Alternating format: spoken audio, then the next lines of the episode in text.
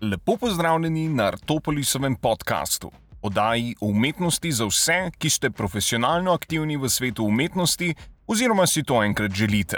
Z vami sem Matej Tomažin, danes pa bomo govorili o spremenljivkah v dialogu subjekta z umetniškim delom.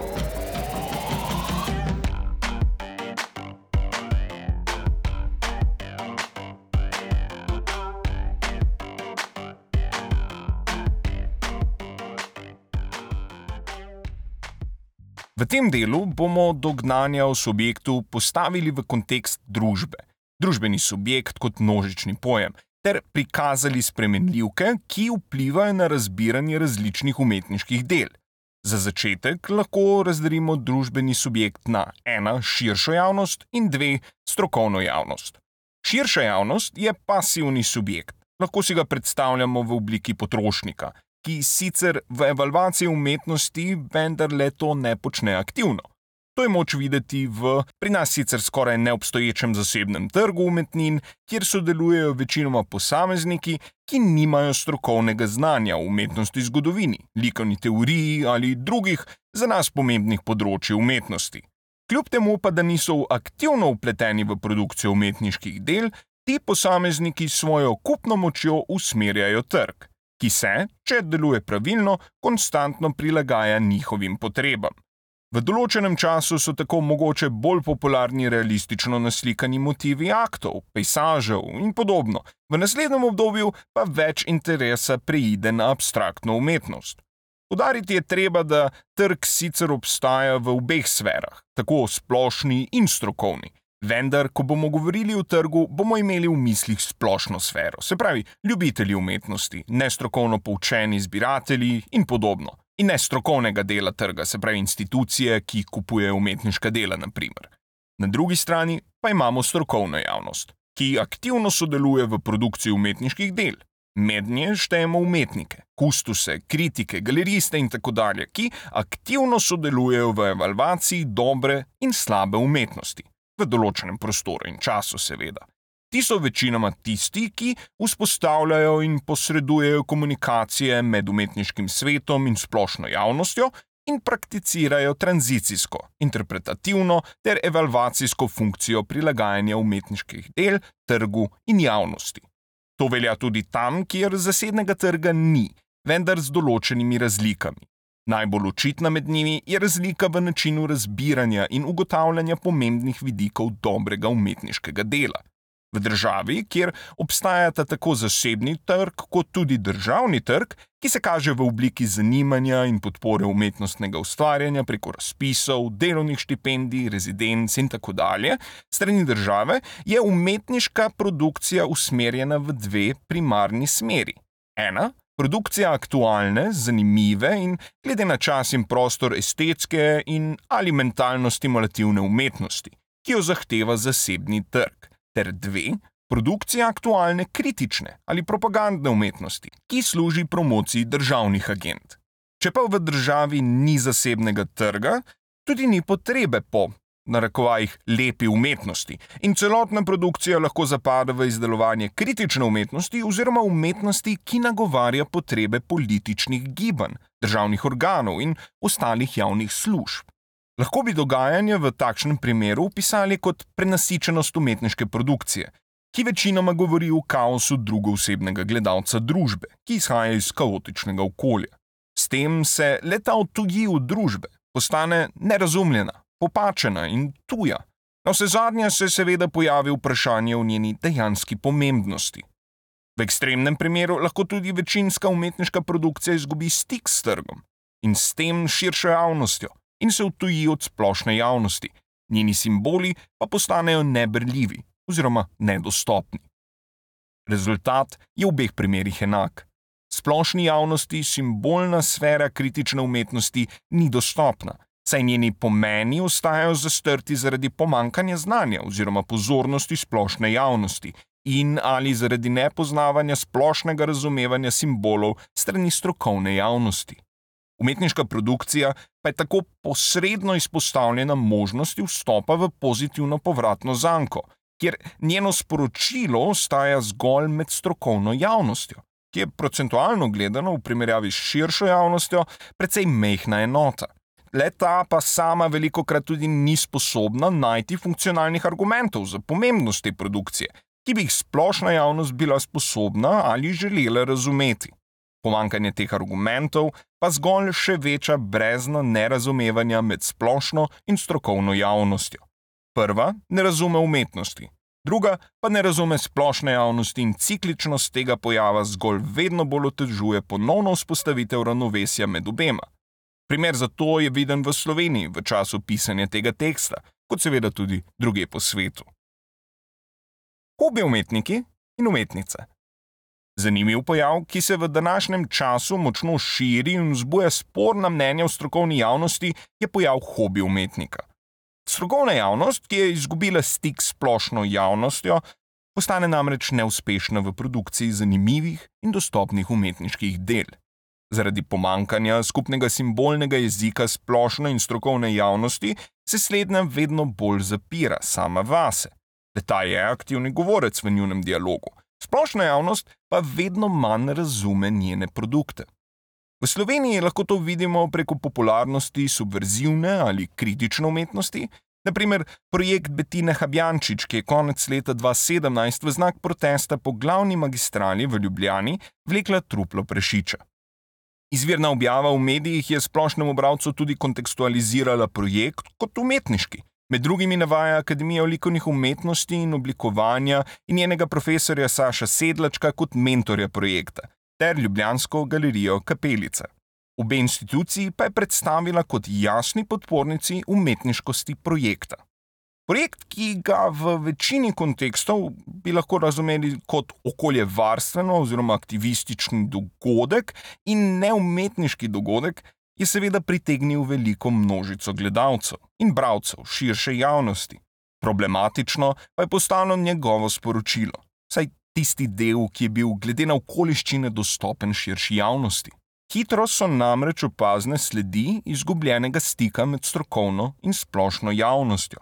Slednja predpostavlja, da bi takšen projekt širši javnosti med drugimi ponudil zrcalo, ki bi lahko prikazal zmote potrošništva in posledice, ki jih le to ima za živalski svet, predvsem v času praznikov, kjer je čezmerno uživanje hrane še toliko bolj izrazito.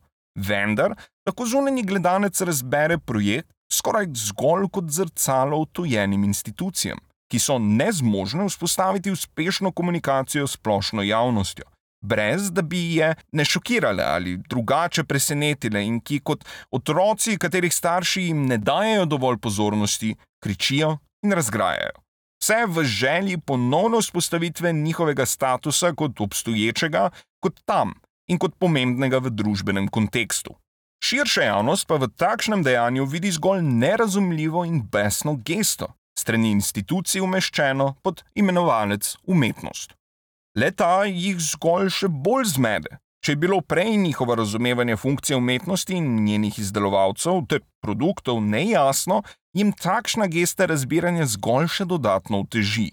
Umetnost postane še bolj tuja domena čudnih pojavov iz filmov, jeznih aktivistov in nerazumljenih, neodraslih posameznikov, ki so v določeni meri nezmožni funkcionalne asimilacije v lastno družbo zaradi nepravilne rabe urodij komunikacije, se pravi simbolov, ki jih splošna javnost uporablja in seveda pozna. Tukaj pa vstopi ideja hobi umetnika. Leta ni del strokovne javnosti, temveč izhaja iz splošne javnosti. Posameznik, ki preko svoje ljubezni do umetniškega ustvarjanja, v najbolj bazičnem pomenu besede, ustvarjanju estetsko in funkcionalno prijetnih predmetov, začne svoja dela uspešno ponujati in prodajati na trgu. Njegova uspešnost pa temelji, nasprotno od prejšnjega primera, na razumevanju jezika splošne javnosti. Takšnemu umetniku, ki sam poseduje podobno raven razvitosti jezika estetike in razbiranje njenih simbolov kot splošna javnost, je dostop do lete ne samo naraven, temveč tudi zelo preprosto omogočen. Dogajanje lahko razumemo na primeru izjave pripisani Mariji Antoineti: Če nimajo kruha, naj pač jedo potico.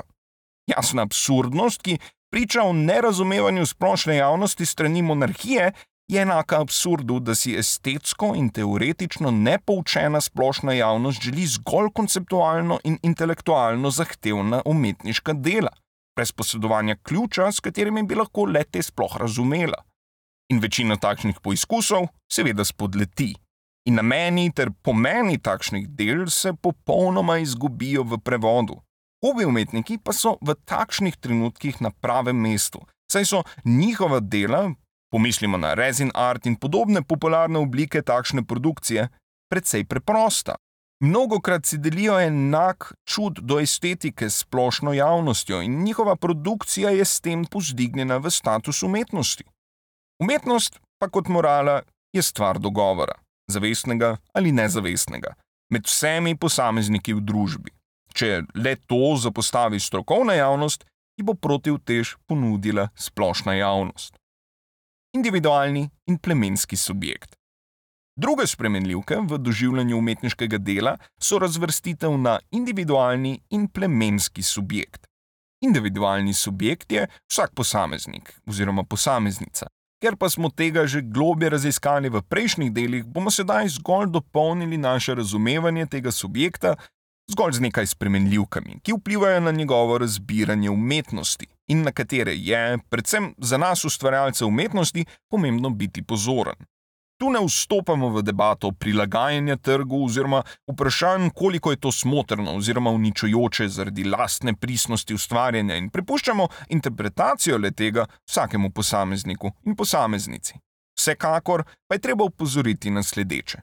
Vsak subjekt, ki je v stiku z umetniškim delom, je prav to - subjekt. Obstajajo razlike v predispozicijah, zmožnosti in sposobnosti vsakega subjekta za razumevanje umetniškega dela, in v tem tekstu bomo našteli zgolj nekaj večjih faktorjev, naprimer predispozicija vere, kulture, ideologiji subjekta, potem predispozicija socioekonomskega ozadja subjekta, predispozicija empatskih sposobnosti subjekta in predispozicija znanja subjekta. Predispozicija vere, kulture, ideologije in vseh drugih bazičnih mentalnih urodij, nabora konceptualizacij tretjosebnega gledalca, s katerimi si subjekt usmišlja resničnost, je zelo pomembna. Saj bi umetnost, ki ni prilagojena na te faktore, lahko bila razumljena na robe, celo zelo namerno, v primeru napačnega gledalca. Vsa umetnost, ki je bila narejena v času nacistične Nemčije, naprimer, je svoje mesto imela prav v tej.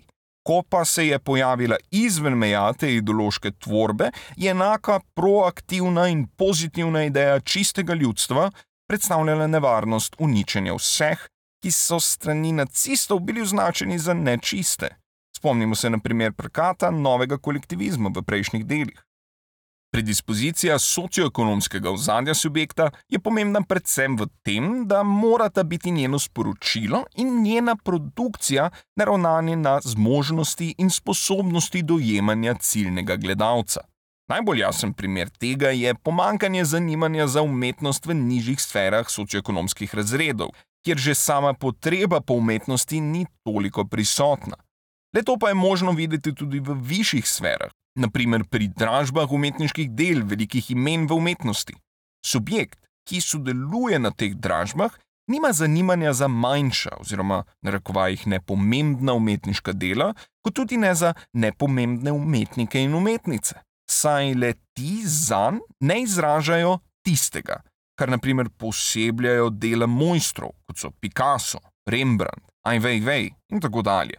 Predispozicija empatskih sposobnosti subjekta je prav tako pomembna za subjektovo razbiranje in dostopnost sporočilnosti umetniških del. Subjekt jasno ne doživlja umetnosti zgolj zavestno, se pravi s pomočjo njegovih zavestnih, kognitivnih sposobnosti, temveč tudi podzavestno. Tu je najpomembnejši faktor njegova sposobnost empatičnega doživljanja, čutenja in občutljivost na dražljaje ki jih umetniško delo zanj oziroma za njo ponuja. Tudi gledalec, ki nikoli ni poznal del Alberta Giacometija, bo že v prvem soočenju z njegovimi vidkimi skulpturami krhkih teles, lomljivost, efemernost in majhnost tega dela lahko začutil. S tem pa mu bodo dela tega odličnega umetnika veliko bolj dostopna kot nekomu, ki te sensibilnosti ne poseduje. Prav tako pa je pomembna, seveda, tudi predispozicija znanja subjekta. Sicer je ta veliko manj pomembna v primeru kipcev teles Giacometija, za precej pomembno pa se izkaže v stiku z delom Josefa Košuta z naslovom One and Three Chairs, eden in trije stoli. Tu ni zgolj čutenje, ki omogoča vstop v razumevanje tega dela, temveč tudi aktivno in zavestno razmišljanje o njegovem celostnem konceptu. Cilj dela, seveda, ni zgolj predstavitev treh načinov upodobitve ideje stola, temveč tudi vzbuditev sledečih vprašanj v gledalčevi zavesti. Naprimer, kateri izmed teh treh je boljši oziroma slabši? Ali sploh obstaja popolna upodobitev stola? in zakaj takšne upodobitve ni mogoče napraviti, in tako dalje. Fantazija in iluzija. Poleg vseh teh predispozicij je pomembno tudi vprašanje o fantaziji in iluziji, ki je močno vezano na sam subjekt. Če nadaljujemo misel o kaosu in redu, ki smo jo predstavili v prejšnjem razmišljanju o metagledalcih, lahko opazimo razliko v razbiranju količine kaosa in reda, ki je prisotna v soočenju z umetniškim delom, v vprašanju, koliko je to soočenje zgrajeno na fantaziji ali iluziji, v katero subjekt vstopa. Fantazija je neproduktivno mentalno urodje, ki služi pomirjanju subjekta, bodi si zaradi njegove zmožnosti z mislimi simulirati svet, kjer prežeči kaos, ki se skriva v konfrontaciji z vsakim umetniškim delom, praktično ne obstaja in je ta simulirani svet zgrajen zgolj v iluziji popolnega reda, popolnega varnega počutja in zadovoljstva subjekta v odnosu do življenja. Fantazije so, kot je čarovničina hišica iz medenjakov v zgodbi Janka in Metke, pasti in fantazme, jasno neobstoječe v realnem življenju. Prav zaradi tega pa predstavljajo beg pred kaosom, Med močna urodja produkcije teh fantazem spadajo tudi določena umetniška dela. Pomislimo na vsako ideološko nasičeno umetniško delo, ki je bilo v času Stalina uporabljeno za propagando ideologije komunizma in grozna resničnost te ideje, več kot očitno in jasno prikazana v knjigi Otoče Gulag Aleksandra Solženicna. Ali pa na občudovalca kakšnega idiličnega akvarela afriške krajine z levom in smrtno nevarnostjo, ki bi jo resnično srečanje s takšno živaljo zanj lahko imelo. Na nasprotni strani pa je iluzija. Imenovalec, ki ga v tem primeru nosi mentalno urodje, ki je nujno potrebno v funkcionalnem dialogu z umetniškim delom. Tu subjekt ne išče utehe pred nepravičnim terorjem življenja, temveč, kot v prejšnjih poglavjih opisano, vstopi v dialog z umetniškim delom in s kaosom, ki se skriva za njim. Ta iluzija je transfer sporočila, ki subjekt čaka na koncu soočanja s kaosom, ki se skriva za umetniškim delom, ko simbolično v soočanju z umetniškim predmetom deluje del sebe, nefunkcionalni del, ki je razlog za to, da subjekt vidi razpoke v svoji realnosti. Preko tranzicije simbolične smrti tega dela subjekta, njegovega mentalnega urodja in ponovno rojstvo novega, bolj funkcionalnega mentalnega urodja, s katerim je mogoče vse opazne razpoke v doživljanju realnosti zapolniti in s tem doseči ponovno vzpostavitev ravnovesja med kaosom in redom, subjekt kot bitje raste in postane bolj prilagojen realnosti svojega obstoja in prostorskega časovnega in družbenega konteksta, v katerem živi. Vse to je iluzija doživljanja umetniškega dela. Boj s senco, ki jo po Jungu vsak subjekt nosi v sebi. Na tej točki zaključujemo današnji podcast, več naslednjič, se slišimo.